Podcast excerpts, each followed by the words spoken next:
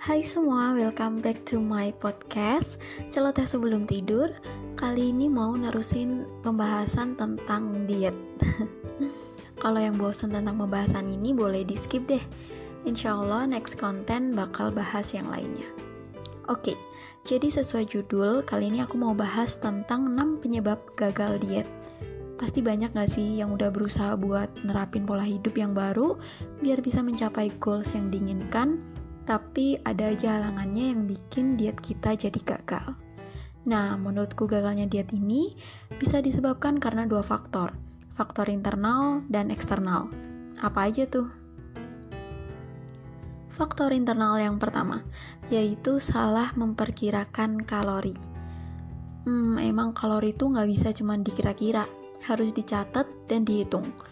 Makanan yang kecil dan tidak mengenyangkan, banyak juga loh yang kalorinya banyak, Contohnya, menurut data dari Fat Secret, 100 gram keripik pisang mengandung 519 kalori. Padahal 100 gram nasi putih kalorinya cuma 129 kalori.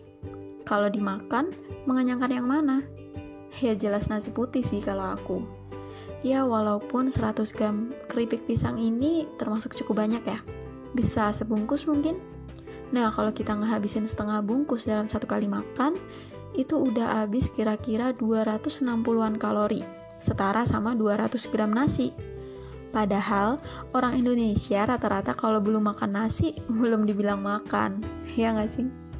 Nah, daripada ngemil yang nggak yang ya kayak begitu, mending langsung makan nasi aja lah. Boleh sih sesekali ngemil, tapi disarankan setelah makan besar biar kenyang duluan, dimakan besar jadi ngemilnya nggak begitu banyak. Dan juga daripada menganut sistem kira-kira, di awal-awal diet emang disarankan untuk catat kalori setiap makanan yang dimakan. Nanti lama-lama kalau udah terbiasa dengan porsi segitu, udah boleh deh kira-kira. Itu menurutku. Lanjut ke faktor internal yang kedua, yaitu nggak punya jam makan yang tetap penting banget buat kita punya jam makan yang tetap dan diusahakan buat makan tepat waktu. Ketika kita punya jam makan yang tetap, tubuh tuh pinter banget loh. Jadi ketika kita membiasakan makan di jam tertentu, tubuh akan menyesuaikan di mana akan terasa mulai lapar di saat waktu jam makan kita. Fungsi lain dari menetapkan jam makan ini adalah kita jadi tahu di saat bukan jam makan kita dan perut agak keroncongan, bisa jadi itu bukan lapar, tapi cuma haus karena tubuh kekurangan cairan. Nah, kenapa juga harus tepat waktu? Karena kadang kalau kita makannya lebih dari waktu jam makan, kita bakal ngerasa lapar banget dan makannya bakal terlalu cepat. Yang endingnya ternyata tanpa kita sadari, jadi menghabiskan makanan terlalu banyak. Nggak taunya setelah itu kekenyangan deh. Nah, untuk jam makan sendiri ini sesuai dengan preferensi masing-masing orang ya. Ada yang menganut makan sehari lima kali, tapi setiap makan kalorinya sedikit-sedikit. Ada yang tiga kali, kayak orang pada umumnya.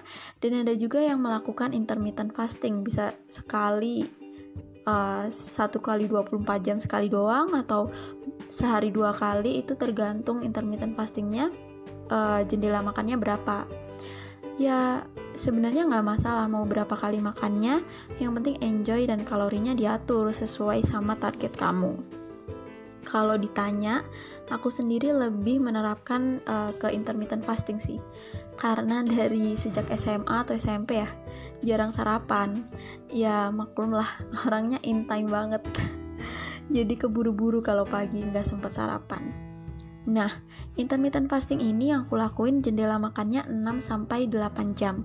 Jadi biasanya aku makan sekitar jam 12 atau jam 1 sama jam 7 atau jam 8. Nah, seharusnya selain waktu jam 8 malam itu uh, cuman boleh minum air putih. Tapi kayaknya intermittent fastingku terlalu fleksibel yang jadi kadang setelah jam 8 uh, kalau dirasa kalori masih kurang ya aku makan buah, yogurt, atau kadang jajan seadanya lah dengan tetap merhatiin intake kalorinya berapa. Oke, okay, next, faktor internal yang ketiga, mindset olahraga yang salah. Jadi olahraga yang kita lakuin itu sebenarnya nggak usah lah dihitung berapa kalori yang keluar. olahraga nggak melulu tentang berapa kalori yang udah terbakar, tapi olahragalah biar kita sehat, kita bugar, dan buat ningkatin mood kita juga di hari itu. Oke, sekarang kita sehat, tapi belum tentu kita bugar kan? Nah, bedanya apa sih? Ketika kamu sehat tapi kamu gak bugar, kamu bakal mager-mageran, cepet capek cuma naik tangga berapa lantai, atau cepet capek cuma uh, jalan berapa langkah, sehari-hari kerjanya cuma tiduran tapi ngerasa capek banget, dan sebagainya. Nah, kalau uh, misalnya mindset kita sekarang berpikir kalau olahraga ini biar cepet kurus, olahraga yang bakal kita lakuin pasti kebanyakan kardio. Dan karena kardio ini uh, bisa diukur kan pakai aplikasi smartwatch berapa kalori yang keluar per sekian menit. Dan biasanya kalau kamu matok sekian kalori di hari itu misalnya 500 deh kamu bakal ngelakuin olahraga kardio apa pun sampai smartwatch kamu menandakan kalau udah 500 kalori tanpa terkadang kamu nggak memerhatikan kapasitas tubuh kamu hari itu sanggup atau nggak ngelakuin olahraga sekian kalori di hari tersebut. Nah, sampai pada suatu titik, kamu bakal nyerah deh, karena kamu ngerasa olahraga itu berat. Padahal yang berat itu bukan olahraganya, tapi ekspektasi pada badan kamu yang berlebihan buat mencapai target yang kamu pengen itu. Selain itu, biasanya juga nih kalau kamu merasa olahraganya udah gempor banget, kamu bakal semacam balas dendam dengan makan banyak karena kamu merasa udah ngeluarin kalori banyak. Jadi butuh intake kalori yang banyak. Padahal belum pasti akurat kan?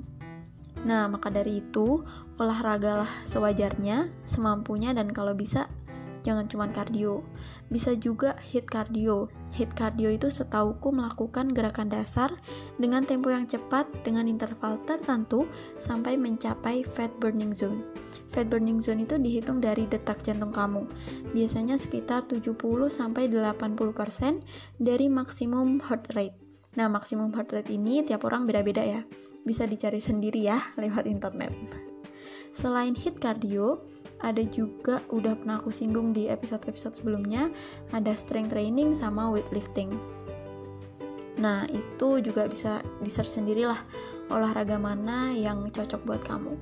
Karena olahraga selain ngelatih kardio atau jantung kamu juga penting buat bangun masa otot karena kalau masa ototnya meningkat, metabolisme meningkat, BMR meningkat, kamu nggak perlu terlalu banyak defisit kalori. Pokoknya patokannya defisit di atas BMR gitu setahu aku ya. Dan juga hmm, tips nih jangan takut berotot. Karena aku pun setelah strength training kurang lebih satu tahun juga nggak berotot kayak laki-laki pada umumnya. Ya setidaknya ya kuat lah ngangkat galon dari pintu depan sampai kamar. Dan juga sebenarnya kan olahraga aku sendiri ya. Kalau sendiri nggak tahu gerakannya bener atau enggak pengen punya VT sih tapi kok mahal. Jadi ya udahlah sementara sendiri dulu dan berharap ke depannya punya partner hidup yang juga concern sama kesehatannya. Terus olahraga bareng deh. Hui, ngarep banget des. Nggak apa-apa lah ngarep dikit daripada nggak sama sekali. Ya harapannya ke depannya bisa saling koreksikan kalau misalnya ada yang salah. Gitu. Udah, lanjut faktor yang ke berapa ya? Faktor yang keempat. Nggak tahu sih, ini lebih ke faktor internal atau eksternal. Tapi menurutku tetap internal sih, yaitu percaya sama hoax. Salah satu hoax yang sering berseliweran di timeline yaitu makan malam bikin gendut. Salah ya teman-teman, yang bikin gendut bukan waktunya, tapi makanannya. Tergantung, seharian itu kamu udah makan melebihi batas kalori harian atau belum. Kalau misalnya belum, ya makan malam gak apa-apa buat menuhin kalori harian kamu. Memenuhi ya, menuhin, bukan melebihin. Bukan melebihi kalori harian. Jadi, makan malamnya itu tetap dikontrol, bukan terus martabak manis e, berpotong-potong ataupun makanan semacamnya yang berkalori tinggi tapi ya disesuaikan lah sama kurangnya kalori harian yang ada di hari itu. Cuman emang disarankan buat makan itu minimal 2 jam sebelum tidur biar tubuh mencerna makanan yang kamu makan sebelum badan kamu istirahat Jadi waktu otak kamu istirahat, lambung kamu juga bisa istirahat. Dan kayaknya begah juga gak sih kalau habis makan langsung tidur. Dan masih banyak hoax-hoax lainnya yang please jangan ditelan mentah-mentah. Nah, masuk ke faktor yang terakhir yaitu faktor eksternal. Lingkungan yang tidak mendukung, yang termasuk faktor eksternal menurutku. Lingkungan ini bisa teman, keluarga, atau pacar misalnya kalau punya, yang mana nggak menghargai keputusan kamu buat punya pola hidup baru, punya pola hidup yang lebih sehat. Biasanya mungkin mulai de mulai dari mengeluarkan kalimat yang halus kayak ngapain sih diet? Kamu udah cantik, manis kok gendut gitu. Masih aman sih mungkin niatnya baik tapi kamu jadi terlalu nyaman sama comfort zone kamu. Atau ada juga kalimat yang gaspol kayak gak usah lah diet emang udah emang kamu tuh udah gen dari sononya gendut. Aku loh makan banyak tetap segini-segini aja beratnya. Hmm, kalau denger kayak gitu pengen tak tampol mulutnya ya pokoknya ngerti sendirilah lingkungan yang tidak mendukung kayak apa yang aku maksud. Pasti banyak kan yang mau mulai tapi nggak jadi cuman karena faktor eksternal satu ini. Nah, kalau dijabarin dari awal, sebenarnya lebih banyak faktor internal kan daripada eksternalnya. Jadi bisa disimpulkan, seharusnya seenggak mendukung kayak apa pun lingkungan kamu, kalau dari internalnya kamu udah bangun pondasi yang kuat, harusnya nggak ngaruh kan ya. Kalau kamu nggak bisa ngehandle pikiran orang lain ya udah yuk handle diri sendiri dulu. Nggak usah malu buat mulai diet diet itu bukan aib kok malu tuh kalau ngelakuin suatu aib ya nah diet ini bukan aib menurutku kasih pengertian aja ke lingkungan kamu kalau diet itu bukan cuma untuk nurunin berat badan tapi diet itu ngatur pola makan buat nurunin, naikin, ataupun ngejaga berat badan biar stabil. Dan gak usah terlalu mikirin omongan orang lain. Toh kamu diet bukan buat mereka, tapi buat diri sendiri. Dan gak cuma di masa sekarang, tapi juga buat investasi kesehatan, kesehatan kamu di masa yang akan datang. Gitu. Oke deh, Sekian aja panjang lebar celotehku malam hari ini. Semoga bermanfaat ya. Boleh dikoreksi kok kalau ada penuturan kata yang salah. Sampai ketemu di episode berikutnya. See ya!